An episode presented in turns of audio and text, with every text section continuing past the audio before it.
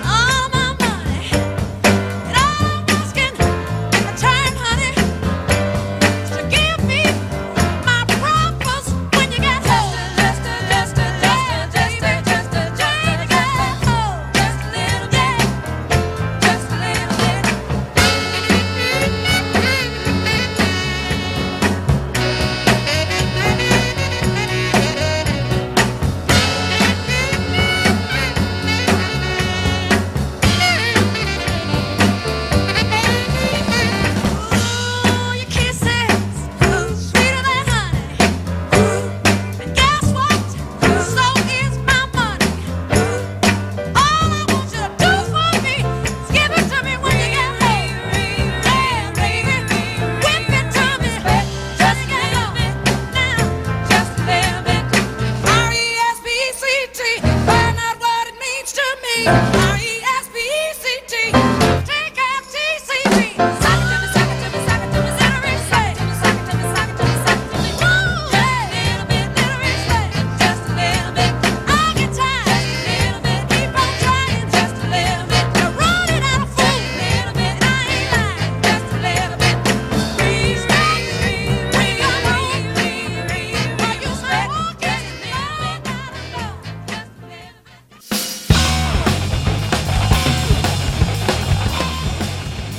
6, eh, 9 minutos eh, Estábamos aquí a, a comentar precisamente unha das cousas que comentei eu na miña introdución do programa porque porque dá para debatir, evidentemente, eh, se queredes participar, pois tamén podedes facelo chamando o 881 0122 pois non sei se 32 ou ou 31 porque imos, imos ter unha chamada telefónica, pero vea, eh, estábamos a, a decir que o mellor pois esa, esa opinión miña sobre a, a inutilidade das ordes de alonxamento pois é arriscada Pode ser arriscada, si. Sí. Eh, sinceramente non sei se son ou non son efectivas, pero dende logo non querería que unha persoa que nos estea escoitando e que e que se vexa na encrucillada que é na vida o, o verse metida nun, nunha situación na que estás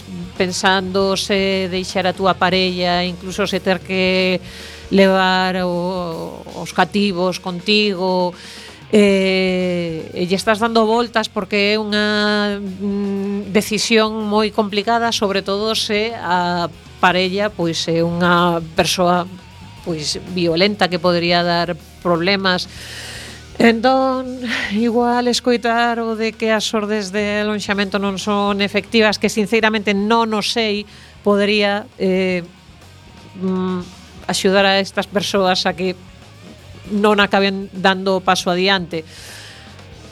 Hai moitas cousas que se fan, ademais das ordes de alonxamento, todo hai que dicilo. Eu se hai algunha persoa que nos estea escoitando que estea nesta tesitura, diríalle que se entere ben, que, que chame o 016, eh, lembra de que é un teléfono que non deixa rastro na, na factura, e, eh, e eh, que, e que se realmente pensa que ten que mm, sair que ten que parar, acabar con esa situación, pois que que nada de, de do que escoite ya a bote para atrás, que uh -huh. tire para adiante, que se informe, que e que saxe, que saque redaños onde sexa, que sei que é moito máis fácil dicilo que facelo. Uh -huh.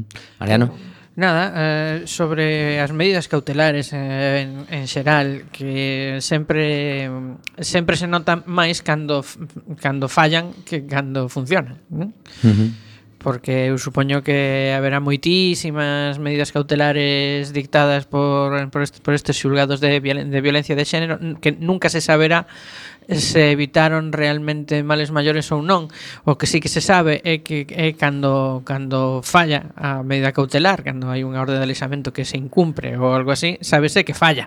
Eso uh -huh. é, é, é fehaciente, por desgracia, pero cando funcionan non se sabe. Claro. Entón, mm, bueno, Aí hai que pois ter sí. un poquinho de cuidado, sí. De alguna forma eu, eu viña tamén condicionado porque acababa de ler eh, un artigo que publica Praza, Praza Pública hoxe eh, no que entrevistan a, a unha portavoz da Marcha Mundial das Mulleres que, que están estes días tamén pois reivindicando unha vez máis eh, un dos, dos titulares bueno, o titular principal é que cando unha muller se anima a denunciar pode non ter ningunha garantía e despois fala tamén de que eh, En concreto, denunciase aquí en Vigo, Estela está falando de Vigo, rara vez colle a denuncia unha persoa que teña perspectiva de xénero e nin siquiera sentido común. Estas son declaracións recollidas en, en praza mm, pública eh, hoxe mesmo eh, bueno, pues, de alguna forma son, son mulleres que están pues, moi pendentes do que, do que sucede no, no entorno de, de outras mulleres que, que están a, a sufrir.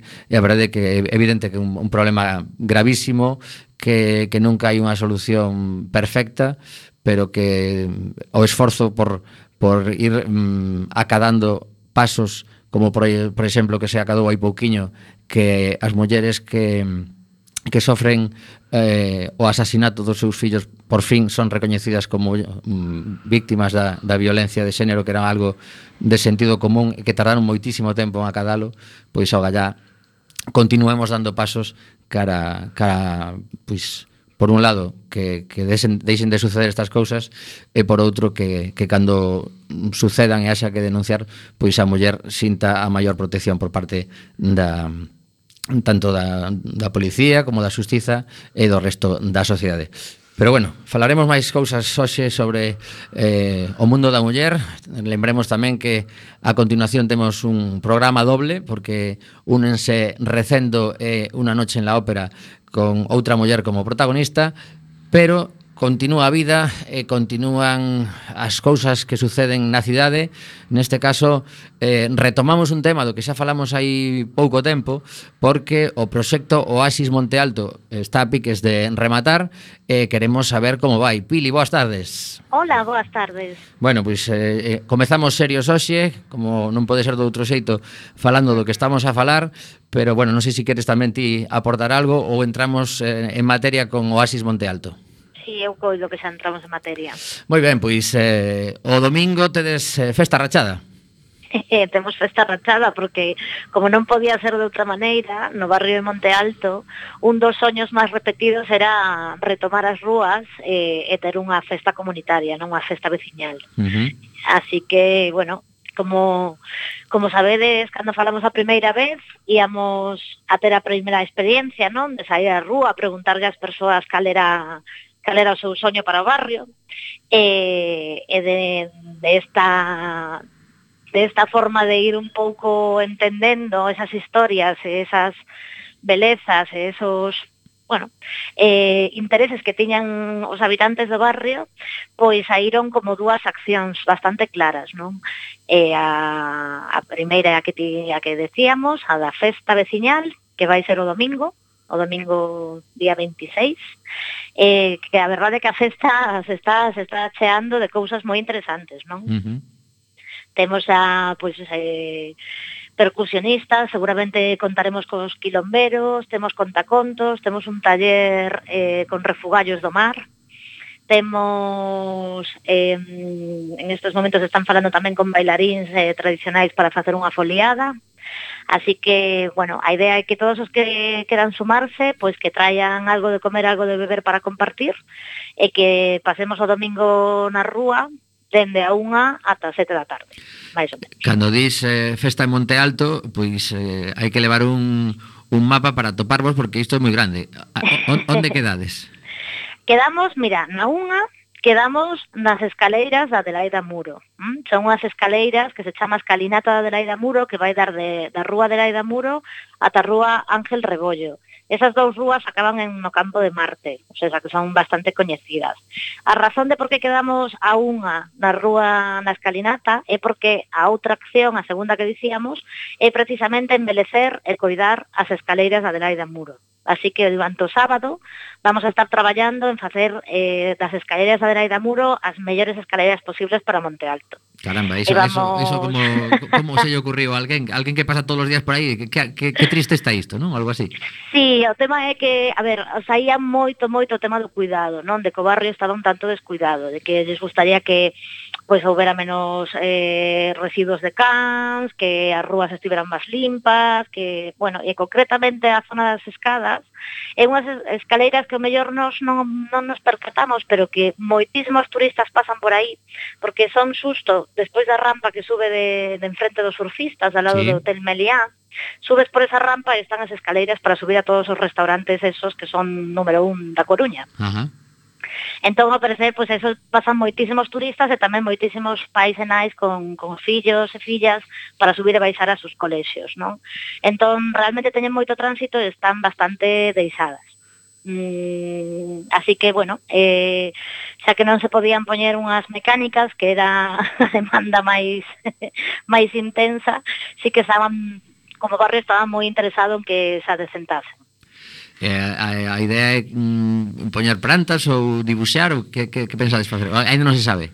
Ah, se sabe cuál é a idea. O que vamos ver é todo o material que consegamos para, para levar a cabo. Non Temos uns cantos arquitectos, muralistas e diseñadores eh, que van botar unha man.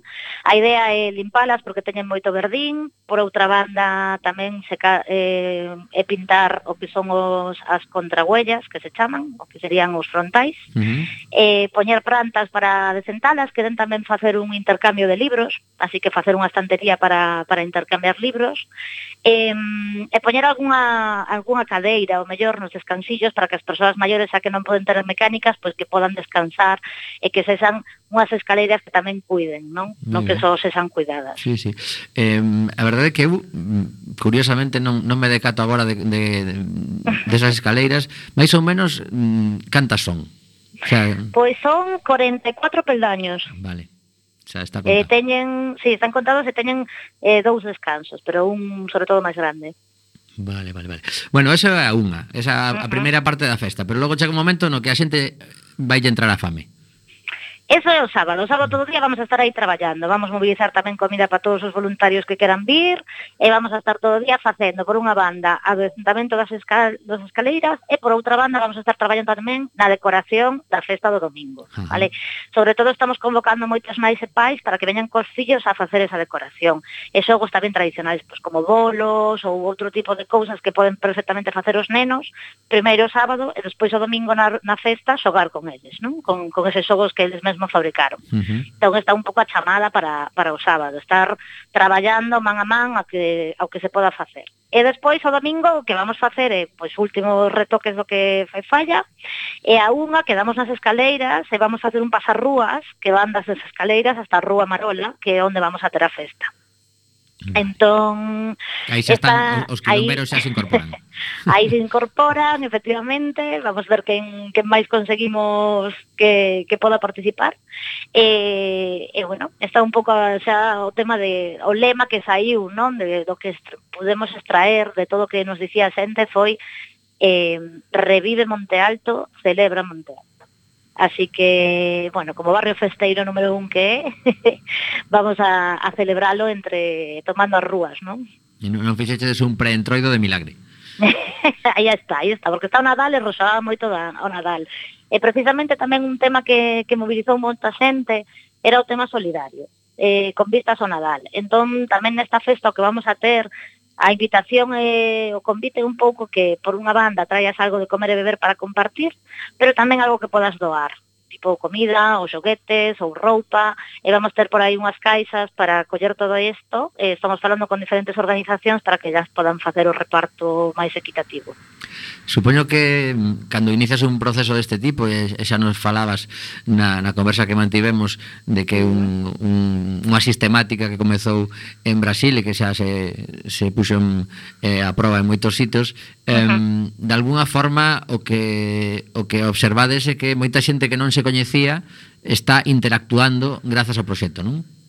Sí, é increíble. O sea, nós o que estamos vivindo isto dende o principio, eh, estamos abraiados porque estes procesos sempre sempre sorprenden e para ben. O sea, primeiro pensábamos que ia ser super difícil conseguir persoas que fosen movilizadoras que participasen durante dúas fines de semana. Conseguimos 16 persoas. Eh, despois destas 16 persoas, o último día que, que nos encontramos xa fomos 30.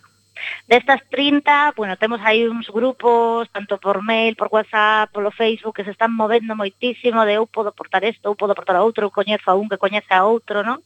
Entón, a verdade é que o traballo en rede está sendo sorprendente. Eh, estamos tamén necesando un pouco ver como, como responde, non? Como se van involucrando cada vez máis persoas do barrio que, que, a, que a priori veían con, non? que non estaban moi moi seguras, con desconfianza, e que, e que cada vez se, se están a abrir máis, non? Entendo que, de alguna forma, isto que acabades de crear, podemos consideralo unha asociación efímera. Eh, pensades que despois do domingo 26 pode quedar algo de actividade ou remata, remata? A ver, o domingo 26 aínda non remata, porque a metodoloxía ten unha última parte que sería a reevolución. Eh, o que faría sería que con todas as persoas interesadas do proceso facer unha reunión no que se vai valorar un pouco, reflexionar sobre se conseguimos facer isto sen coñecernos de nada en dúas semanas, non? Que poderíamos facer se pensamos un pouco máis a longo prazo. Vale. Eh, entón un pouco se volta a abrir outra fase tamén de soños, eh, entón isto consideramos máis como unha catapulta, eh, esperamos que sí, que teña que teña recorrido. Pois a verdade é que eh, teño que dar os, os parabéns eh, por ese traballo e, e sobre todo que teña de sorte mm, de cara a fin de semana porque polo visto vai chover de madrugada do venres ao sábado a ver se si despois vai parando Nada, eh, nada, vai parar, eso estamos convencidos. Conste, conste que fai moita falla que chova, eh? Si ao final sí, chove, pois sí, eh, sí, celebramos sí. igual, eh? O sea, Exacto. Bus, buscade un sitio a cuberto, a, pero hai que Acostumados celebrar. estamos, además que isto é Galicia, se ten que chover, que chova, pero estamos convencidos de que non vai ser así, que vai comenzar a chover mañá e vai chover o suficiente para que a terra se empape e darnos un un, break aí o sábado domingo e despois se pode voltar. Uh -huh. Bueno, Pili, pois nada, xa estaremos atentos ás vosas andainas no futuro, se hai reevolución ou o que uh -huh. se acabe chamando iso, e sobre todo que, que pasedes unha boa fin de semana, e agora sí que teño xa como misión ir a coñecer esa, esa escalinata. Esas escalineiras. De, de, de, de cara a, a, despois do, do 26, xa que cando este todo chulo, pois así eu cando saca, sacando fotos por todas partes, pois aproveito. Moitísimas grazas fantástico. Veña, Moitísimas grazas, Tomi, un abrazo, chao, chao. chao. Ben, pois son as 6 e 25 minutos eh, Escapábasenos unha, unha canción que xa escoitamos unhas cantas veces del Canca Pero consideramos que esta letra pois eh, ben como anela o dedo nesta semana no que reivindicamos sobre todo eh, esa igualdade, ese respeto entre as persoas, eh, se son parella ou o que sexan, eh, aproveito para, para dicir que o del canca xa está sendo demasiado preocupante no sentido de que a a afición mm, decatouse, como non era moi difícil de prever, de que este tipo de un fenómeno eh, A semana pasada colgaba unha foto no seu Facebook de que no novo disco colabora ni máis ni menos que Jorge Drexler e esta pasada fin de semana o tipo encheu dúa, unha noite a do sábado e unha mañá a do domingo a sala Joy Eslava de Madrid que eso en total creo que ronda, se non me equivoco, unhas 1700 persoas máis ou menos. Toma xa. Vengas, cuando vengas, escoitade esta letra.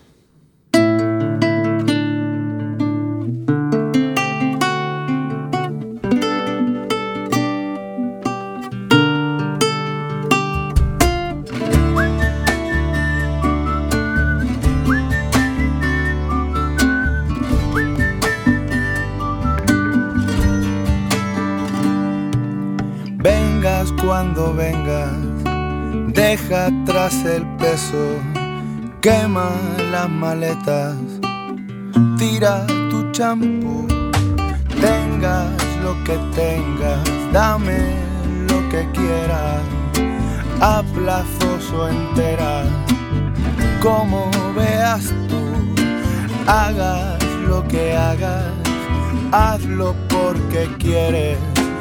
No pongo deberes y no paso lista vistas como vistas, falda o pantalón. No te me disfraces para la ocasión.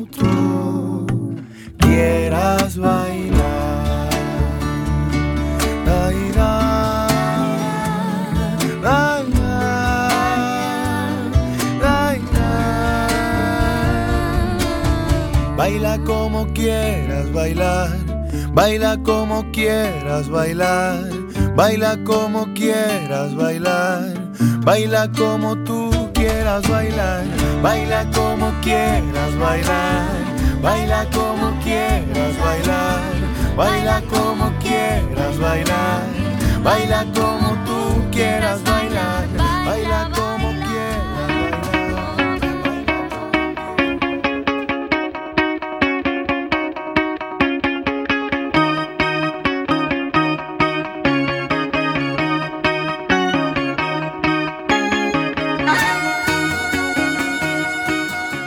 Continuamos en Cuac FM mm, 103.4 no teu dial cando voltemos ao 103.4 no dial. En oso. Eh, estás escoitando Alegría hoxe martes 21 de novembro de 2017 Son as 6 e 31 minutos da tarde E xa sabes que se non nos escoitas neste día nesta hora E que estamos en redifusión Chegamos ao apartado da Econova eh, imos empezar cun tema moi fondo Que cidades quedarían baixo a auga se non se detén o cambio climático? Lugo. Isto foi unha, unha prospección que fixeron pensando se, se non facemos nada, se hai un aumento de 3 graus na temperatura do planeta, eh, calculado pois para dentro de poucas décadas. E a gañadora, a que quedaría máis eh, anegada de todas, eh, nos contan en el mundo.es, sería Xangai, considerada como a cidade máis vulnerable do mundo ás inundacións.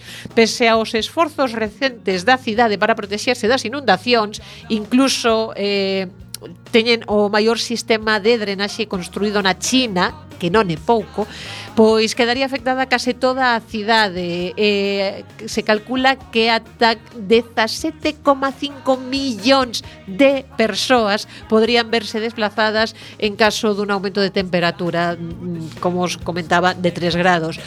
Pretiño, en Japón, en Osaka, Pois grandes partes desta cidade quedarían baixo a auga e máis de 5 millóns de persoas veríanse afectadas. Osaka tamén ten unha, unha rede de defensa, unha rede de barreiras mariñas eh, que mostráronse efectivas no pasado pero que quedaron gravemente danadas no tsunami de 2011. Despois está Río de Janeiro, que xa máis que río, pois sería, non sei, Lago de Janeiro. As praias de Copacabana, o aeroporto nacional e a meirande parte da infraestructura eh, construída para os Xogos Olímpicos quedarían baixo auga mm, nos conta que a Universidade Federal elaborou un plan de adaptación ao cambio climático, que é moi triste, pero é o que hai que pensar. Pero as autoridades políticas nin sequera pasaron a acción, así que igual xa chegan tarde. Pasamos a Egipto. Alexandría estaría tamén afectada. Uns 3 millóns de habitantes veríanse afectados pese a inversión anual do goberno de 35 millóns de euros para protexer o norte. Sydney. Australia é outra das zonas cero do cambio climático, con Sydney, Melbourne, Brisbane e Perth sufrindo directamente o impacto con subidas de auga de ata 2 metros. Nova York eh, xa se veu bastante eh, inundado co tema do huracán Sandy de 2012 que, que xa trouxo un apocalipsis, unha apocalipse acuática a, a Gran Mazá. A subida das augas dixeron parcialmente inundado baixo Manhattan, a zona coste costeira de Brooklyn, o aeroporto JFK, cambiando por completo a percepción do cambio climático.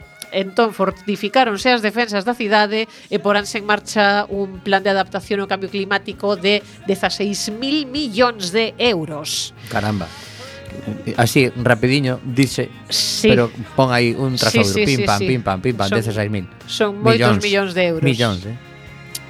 En Londres a barreira do Támesis é a segunda máis grande do mundo despois da de Osterscheldekering ah, vale. nos Países Baixos. Creo que fixen un esguince sí, na lingua. No, bastante ben.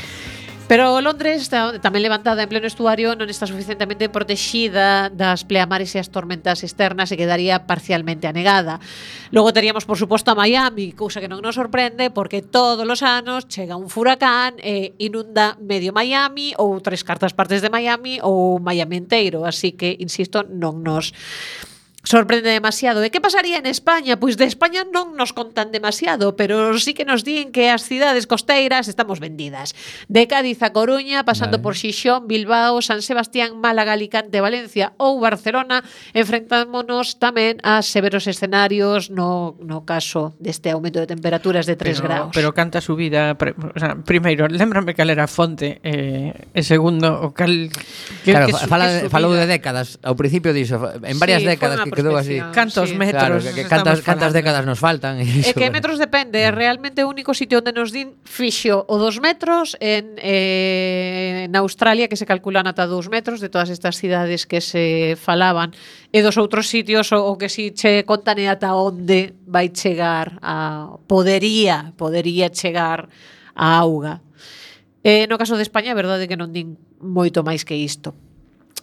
Entón, A raíz deste tema nos, eh, hai outra noticia que, que, que tamén está relacionada que nos di como será a primeira nación flotante do mundo. No lo conta 20minutos.es. Din que a construción da primeira nación flotante do mundo podría converterse en realidade durante as próximas décadas en augas próximas á illa de Tahití, na Polinesia francesa. A principios deste ano, o goberno desta rexión eh, acordou permitir que Seasteading Institute, unha organización sen ánimo de lucro fundada en San Francisco, comezara a realizar estudos nas súas augas e a construción din que podería comezar pronto eh, os primeiros edificios flotantes no núcleo dunha cidade.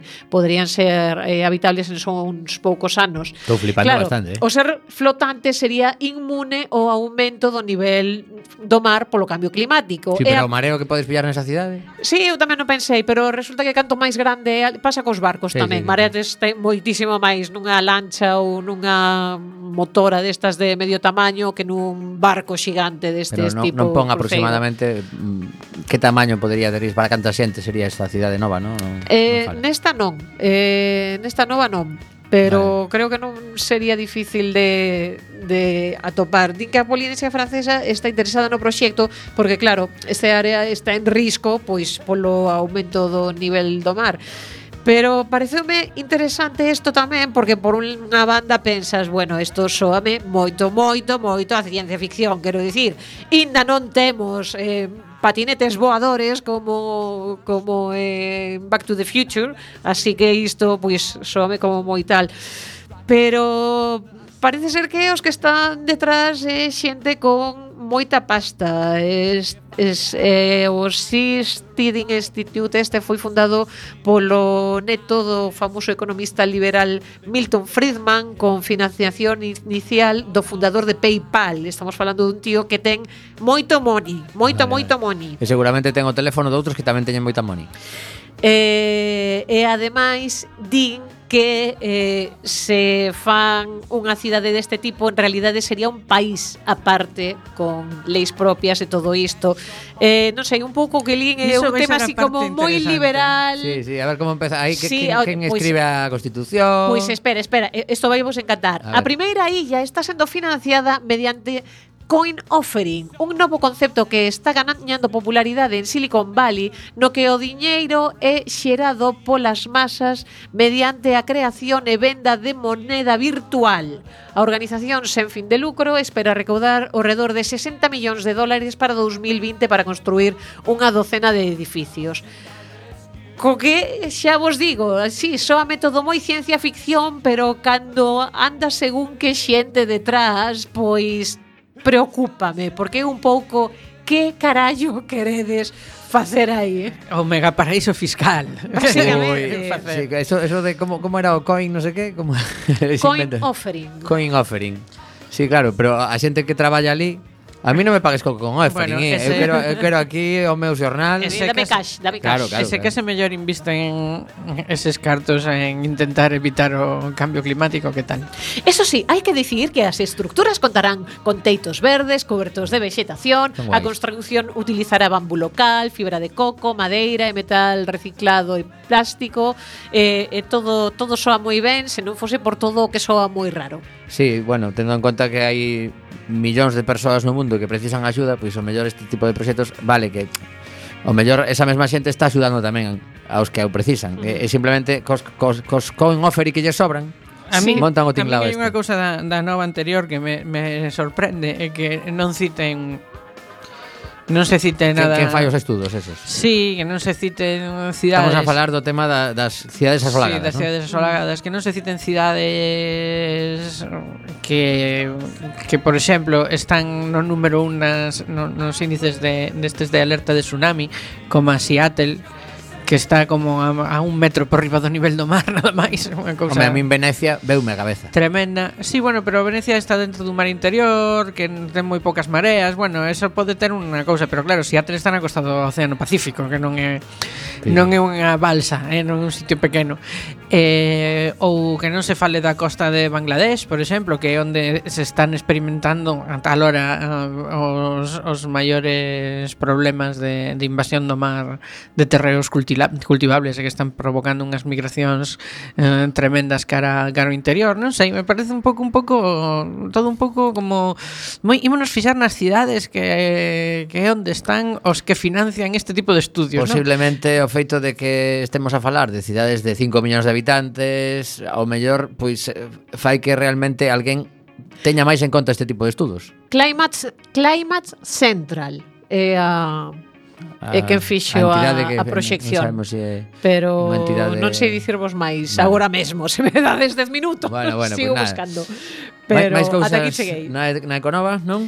Eh, oh, se queres, espera, teño bueno, máis. Sí, sí, bueno, se, temos eh, tempo. Sí, Ai, temos mira, tempo, mira, non contaba sí, con el. Sí. Pois pois sí, sí que temos, sempre temos máis cousas. Sí, sí. Mira, máis boas novas. Dentro de 10 anos, as enerxías renovables serán máis baratas das con, que as convencionais.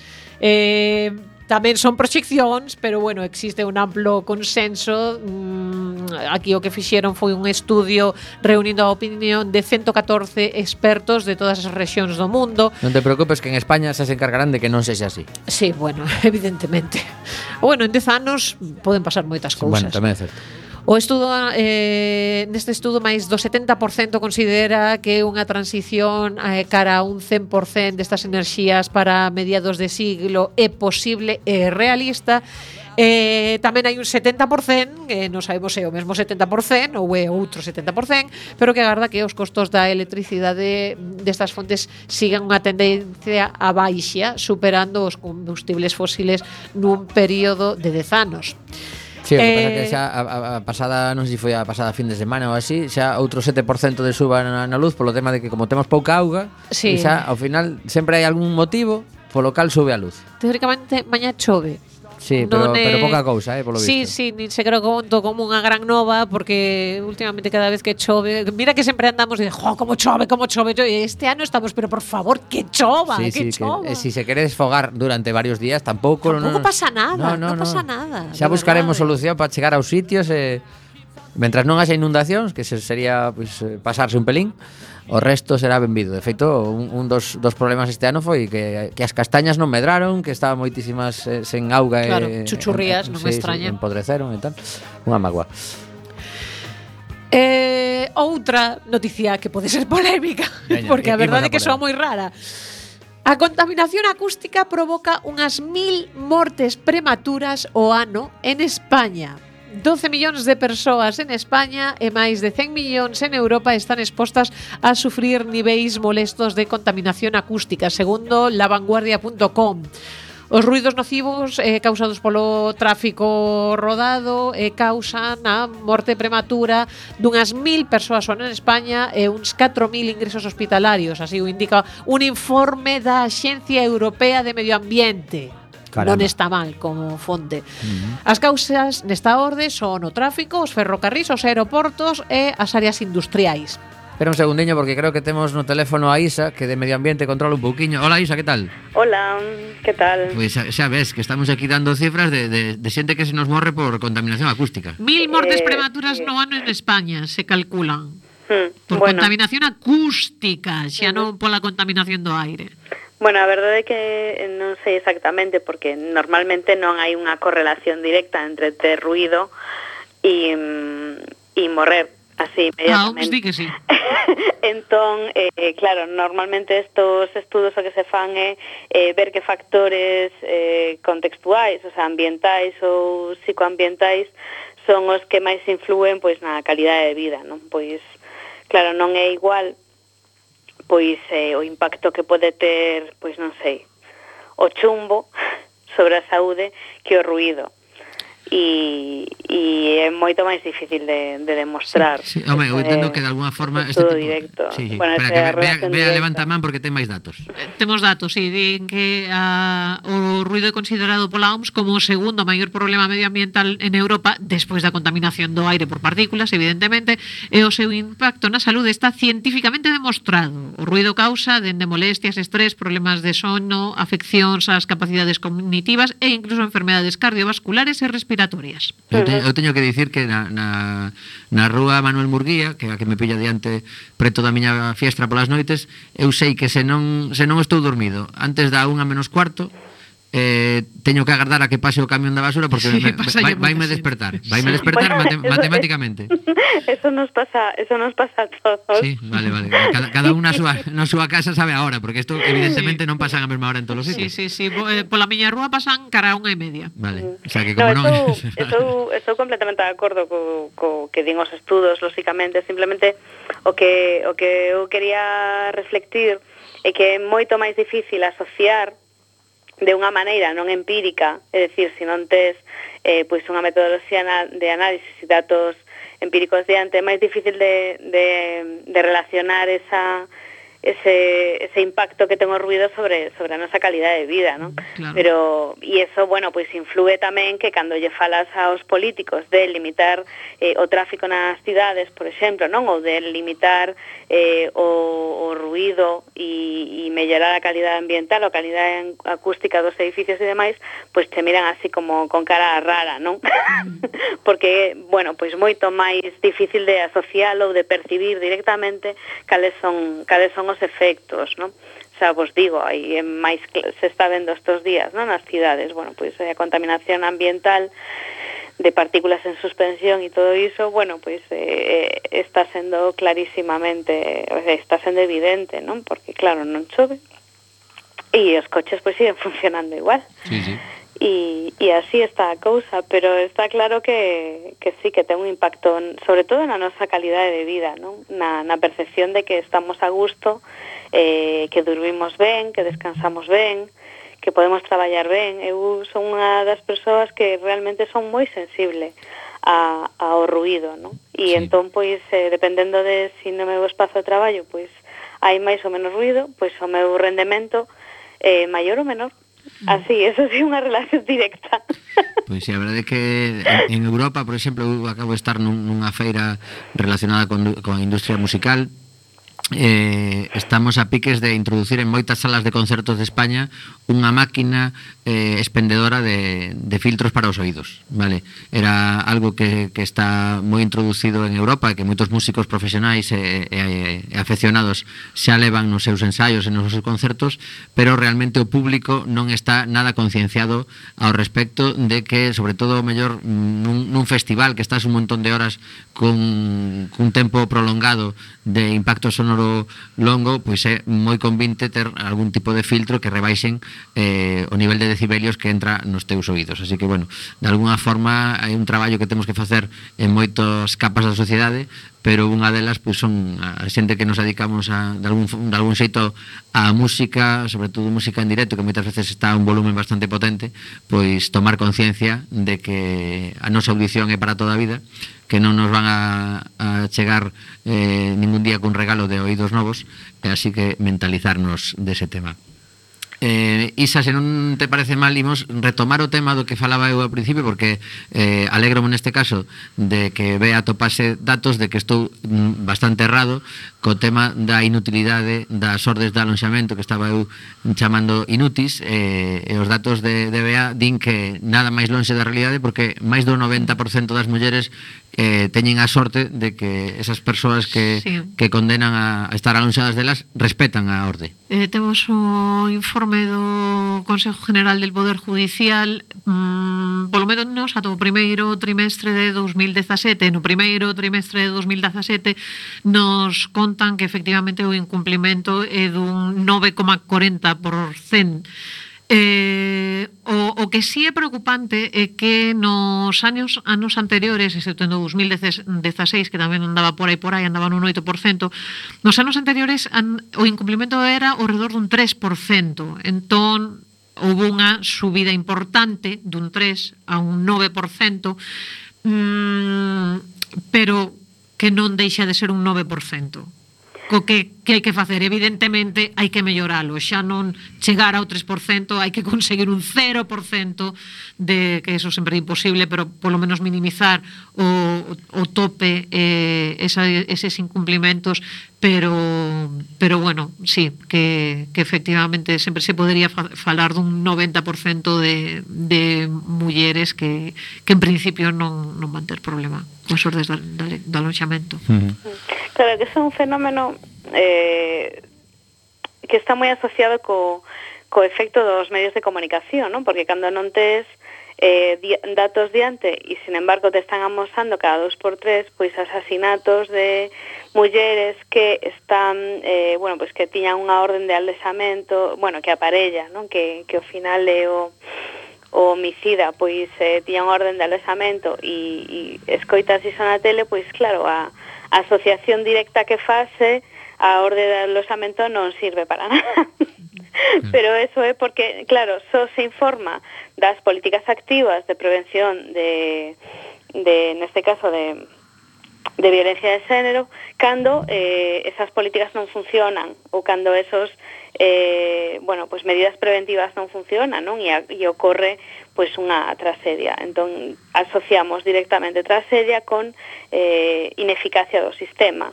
Está claro que o sistema ten que ser mellor, pero tamén está claro que non é unha cuestión de que todo o mundo eh, ou non, non é cuestión de que haxa mil eh, ou centos de miles de, de ordes de alexamento, sino eh, a cuestión é que a sociedade cambie para que non teña que haber ordes de alexamento, non? Sí, ese, esa é a cuestión tamén, seguramente ese incremento de, de porque se incrementou por 3, non? Se multiplicou por 3 eh, o, o, o incremento de, de violacións da orde de alexamento será tamén porque eh, agora pois hai máis ordes de alexamento das que había antes, non? Uh -huh. Entón, habendo máis ordes de alexamento, pois hai tamén unha maior, entre comillas, probabilidade de que se vulnere esa orde de, de alexamento, non?